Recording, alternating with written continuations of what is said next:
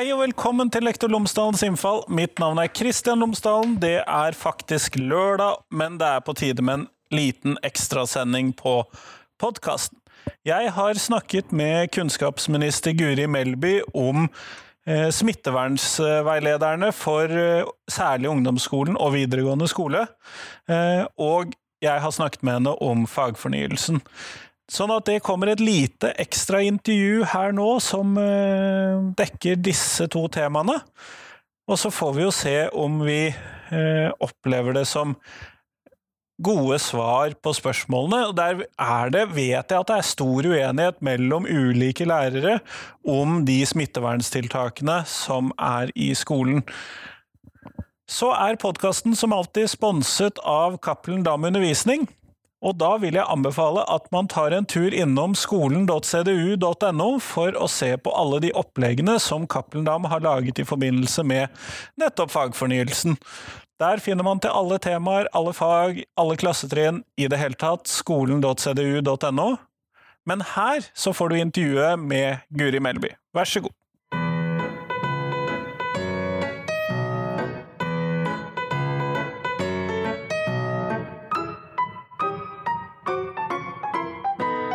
Guri Melby, tusen takk for at du har tatt deg tid til meg i dag. Bare hyggelig. Veldig fint å få være med. Før vi starter selve intervjuet, så hadde jeg håpet at du kunne fortelle lytterne mine tre ting om deg selv, sånn at de kan bli litt eh, kjent med deg. Ja, jeg er fra eh, ei lita bygd i en kommune som tidligere het Orkdalen. Nå heter kommunen Orkland. Og den bygda jeg er fra, het Gjølme da jeg vokste opp, men den er rå bygda. Så der har det vært litt navneendringer. og så er jeg eh, mor til to gutter som er snart tre, og en som er fire. Og så har jeg ei bonusdatter på åtte år. Eh, og det siste jeg kan nevne, er at jeg er tilnærma blind på ett øye. Eh, men det er et handikap jeg har levd med hele livet, så det går veldig fint. Nettopp. Kjempeflott. Jeg hadde ventet at en av tingene skulle være at du var kunnskapsminister, øh, som en sånn billig måte å slippe unna på, men det gjorde du ikke. Nei, jeg holdt meg til det som Du sa at jeg skulle Jeg tenkte jeg skulle fortelle noe som folk kanskje ikke visste, så da holdt jeg meg til det. Glimrende. Eh, og spørsmålene i dag eh, går jo litt på smittevernreglene, og så litt etterpå på fagfornyelsen. Og mitt første spørsmål er hvordan kan vi lærerne være sikre på at vi lærere og elevene blir ivaretatt når det ikke er realistisk å opprettholde en meters avstand i skolene? Det er et godt spørsmål. Det er et ganske stort spørsmål. Altså Sånn som det fungerer da med smittevern i skole, altså som det egentlig har fungert helt siden vi eh, åpna skolene igjen i vår, det er jo at vi nasjonalt har lagd noen smittevernveiledere med noen anbefalinger på hvordan man bør opptre for å redusere smitterisiko, både blant barn og blant voksne. Og så er det jo opp til de lokale skoleeierne og skoleledelsen å greie å finne en god måte å utøve det her i praksis på. Og Det er jo en sånn evig diskusjon da, egentlig, hvor detaljert skal nasjonale veiledere eller retningslinjer være, og hvor mye frihet skal vi overlate til den enkelte skole eller kommune. Og det er jo sånn i Norge at Vi har jo egentlig relativt stor frihet til skoleeiere til å tolke og finne praktiske løsninger på egentlig det aller meste. Um, vi har ganske sterk styring på det faglige innholdet, men eh, både undervisningsmetoder, praktisk gjennomføring av skoledagen og sånn, det bestemmer man jo sjøl. Litt av grunnen til det er jo fordi at vi tror Jeg tror at ting blir bedre, da. Jeg tror at f.eks. lærere som opplever at de har en påvirkning over den jobben de gjør og den hverdagen de har, gjør en bedre jobb. Eh, jeg tror at de vet bedre hva som skal til enn det jeg gjør på hver enkelt skole. Og så er det også sånn at skoler i dette landet er veldig forskjellige. Altså, vi har mange skoler der det ikke er noe problem å holde en meters avstand, der det er få elever, god plass og eh, masse areal både utendørs og innvendig. Og så har vi skoler som er trang og med 1000 elever og mange som farter hit og dit, og skoleskyss og alt mulig rart. Og små ganger og Ja. Så det er et veldig stort mangfold. Og Det tar det jo for at man ikke skal være altfor detaljert. Men det betyr jo at det finnes skoler der det her åpenbart er ganske krevende å få til, og samtidig gi full undervisning. Og så har vi litt ulike regler da, for uh, barnetrinnene, og ungdomstrinnene og videregående. Og til dels også på ungdomsskolen så er det sånn at elevene stort sett går i den samme gruppa hele tida. Går du i 1A, så er det 27 elever kanskje du er sammen med, Og det går an å holde ganske god oversikt over hvilke elever som har hatt kontakt med hverandre. Så på både barneskolen og ungdomsskolen har vi sagt at det er egentlig greit at man ikke overholder enmetersregelen i klasserommet. Og Så kommer utfordringa på videregående. For Der er det sånn at elevene gjerne har fag på kryss og tvers med elever fra flere klasser. Eh, og vi greier ikke å tenke kohort på samme vis. De har også veldig mange flere forskjellige lærere. Så der har vi sagt at målet er at man skal greie å holde én meter så langt det er mulig. Eh, og jeg mener jo at hvis det da er skoler der det ikke er mulig å holde en meter, så må man organisere undervisninga på en annen måte enn det man gjør til vanlig for å få det til. Om man da må dele inn elevene i grupper, eh, om man må spre seg over et større areal, eh, ha ulike oppmøtetidspunkt for elever fra ulike trinn, sånn at det ikke blir trengsel i gangene på samme måte. Sørg for at alle har pauser på ulikt tidspunkt, sånne ting. Da mener jeg man må ta grep, rett og slett. Eh, for det skal være mulig for 17-18-åringer å si at man skal holde avstand. Eh, og så skjønner jeg at ikke lærere har lyst til å være politi i friminuttene og passe på, men da, da må man rett og slett organisere ting på en annen måte. For det vil si at eneste måten å, at det er forsvarlig, egentlig, er hvis man greier å holde en meter. Ja, men, eh, disse, og, men, med unntak av disse friminuttene og oppstartstidene, så er jo ikke noen av disse tingene du nå snakker om, egentlig nevnt i eh, smittevernveilederen, f.eks. Nei, og det er jo litt tilbake til det jeg starta med. At uh, vi har jo valgt å ikke lage en veldig detaljert veileder med veldig lange retningslinjer om hva man kan gjøre og ikke gjøre. Vi sier at man skal holde en meters avstand, og da får det være opp til både skolen og skoleeier å finne ut hvordan man skal gjøre det. Og jeg tror det er litt viktig å si at det her er ikke opp til den enkelte lærer å finne ut av hvordan man skal løse i sitt klasserom. Dette er en utfordring som først og fremst skoleeieren har, men også skolelederen.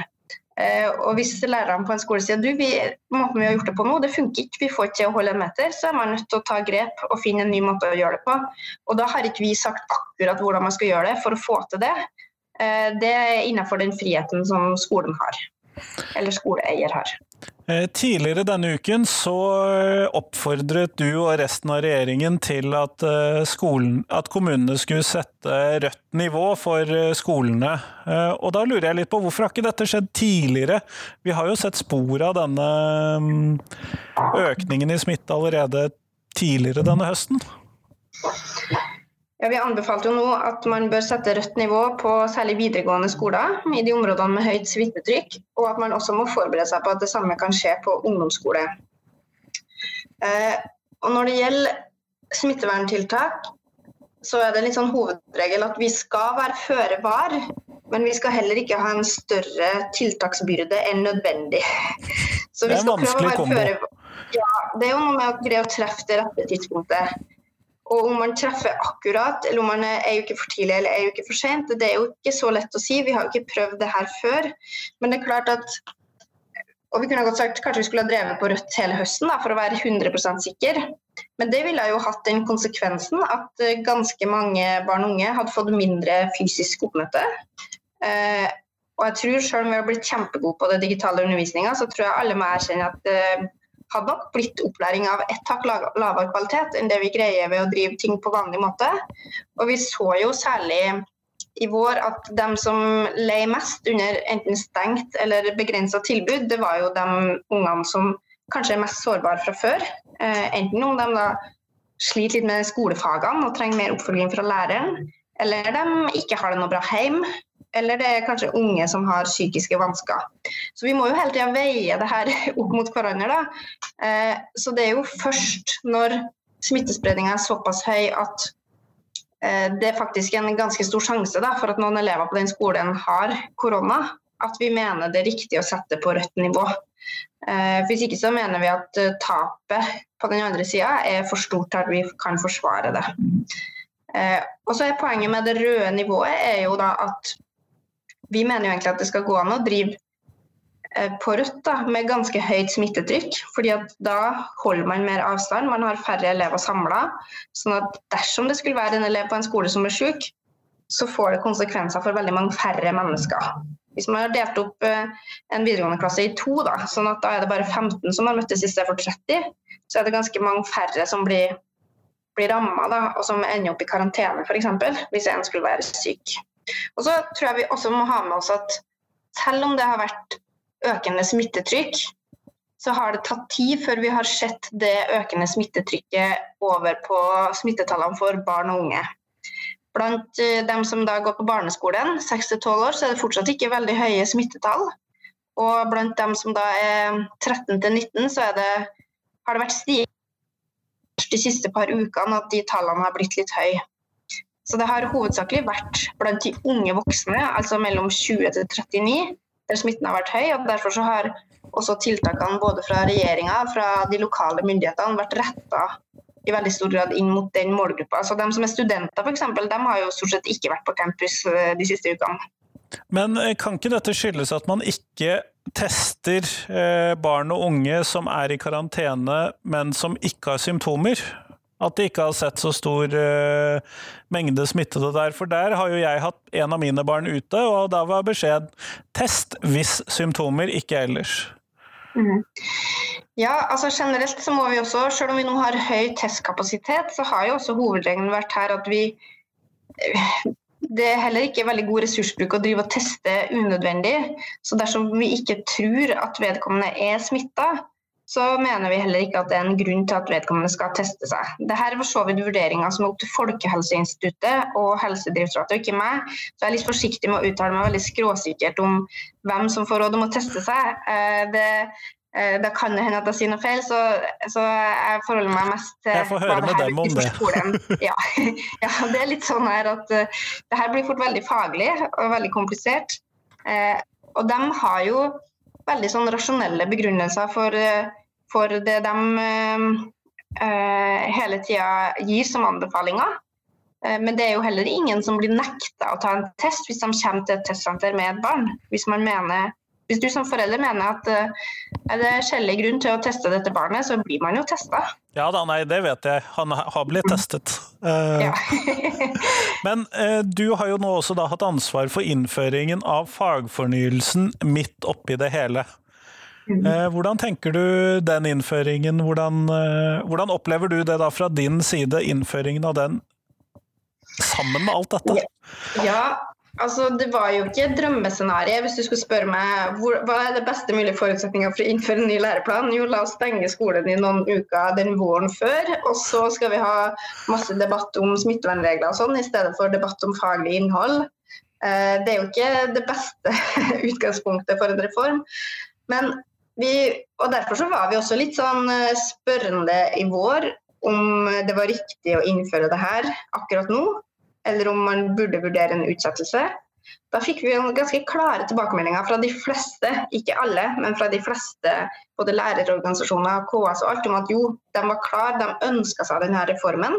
Det var en reform de var forberedt på, og som de mente var fornuftig for norsk skole. Så det ville de at vi skulle gjennomføre.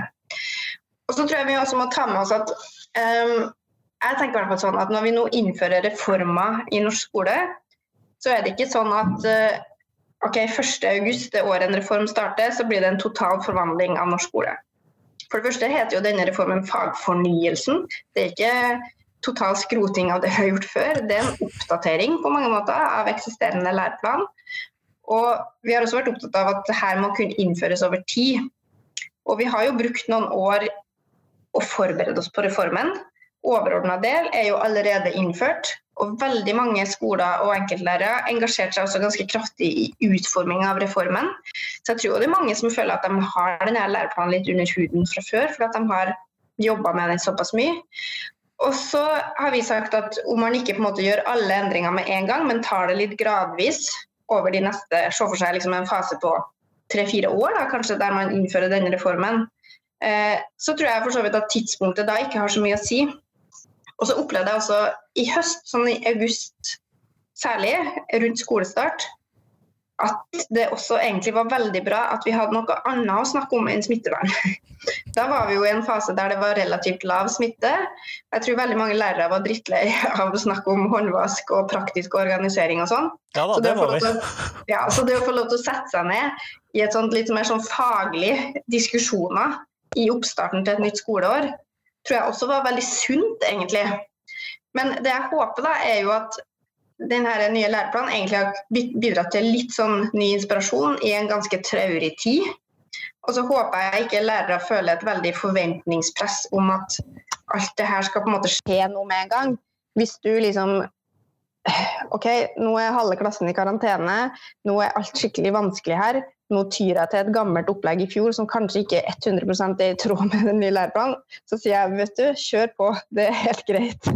Altså, så jeg tenker at det er viktig at vi gir hverandre litt slack da, i den tida her, eh, og ikke stresser altfor mye med det.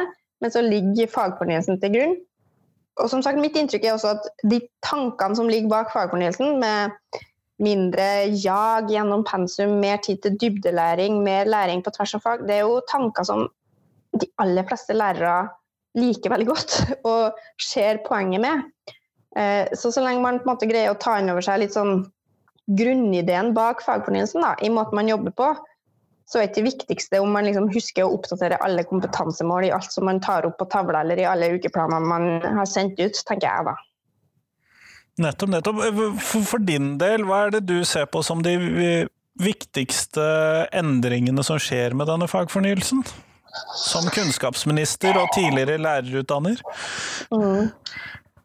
Altså det som jeg mener de største utfordringene da, i skolen, eh, som eh, denne læreplanen i hvert fall forsøksvis skal løse, jeg tror jeg vi kan oppsummere i, i noen hovedpunkter.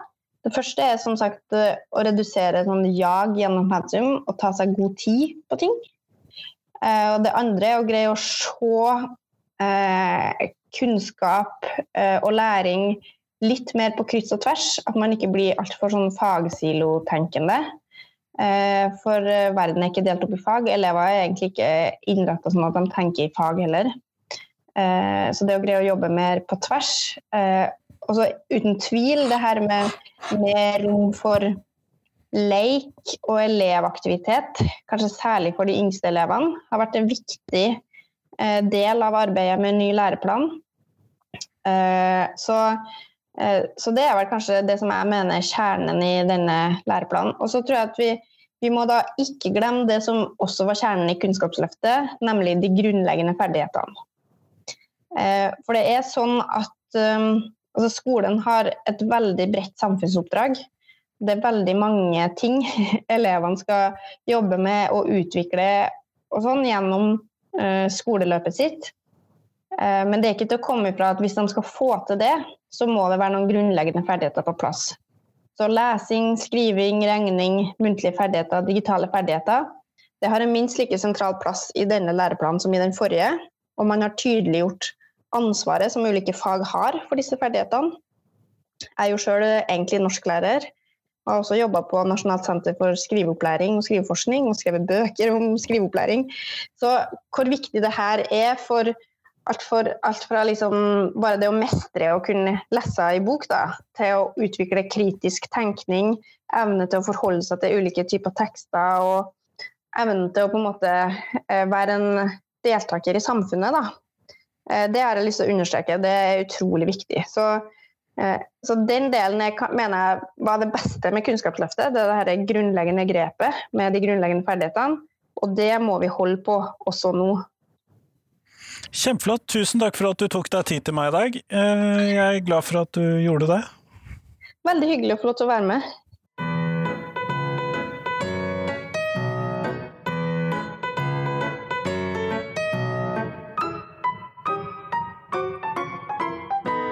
Tusen takk til Guri, og tusen takk til deg som hørte på. Nå kommer det et nytt intervju på tirsdag. Jeg lover å ikke slenge inn en ny episode i kveld, eller i morgen kveld, eh, før den tid. Eh, sånn at eh, du skal ikke få helt overbelastning av podkastepisoder. Men jeg gleder meg til tirsdag. Da kommer det et interessant intervju om Steinerskolene. Så det kommer på tirsdag. Ellers, del gjerne podkasten min med noen. Send meg gjerne tips om eh, hvem eller hva du har lyst til å høre intervju med eller om. Og så selvfølgelig, som alltid um, Ha en fin dag videre. Hei, hei.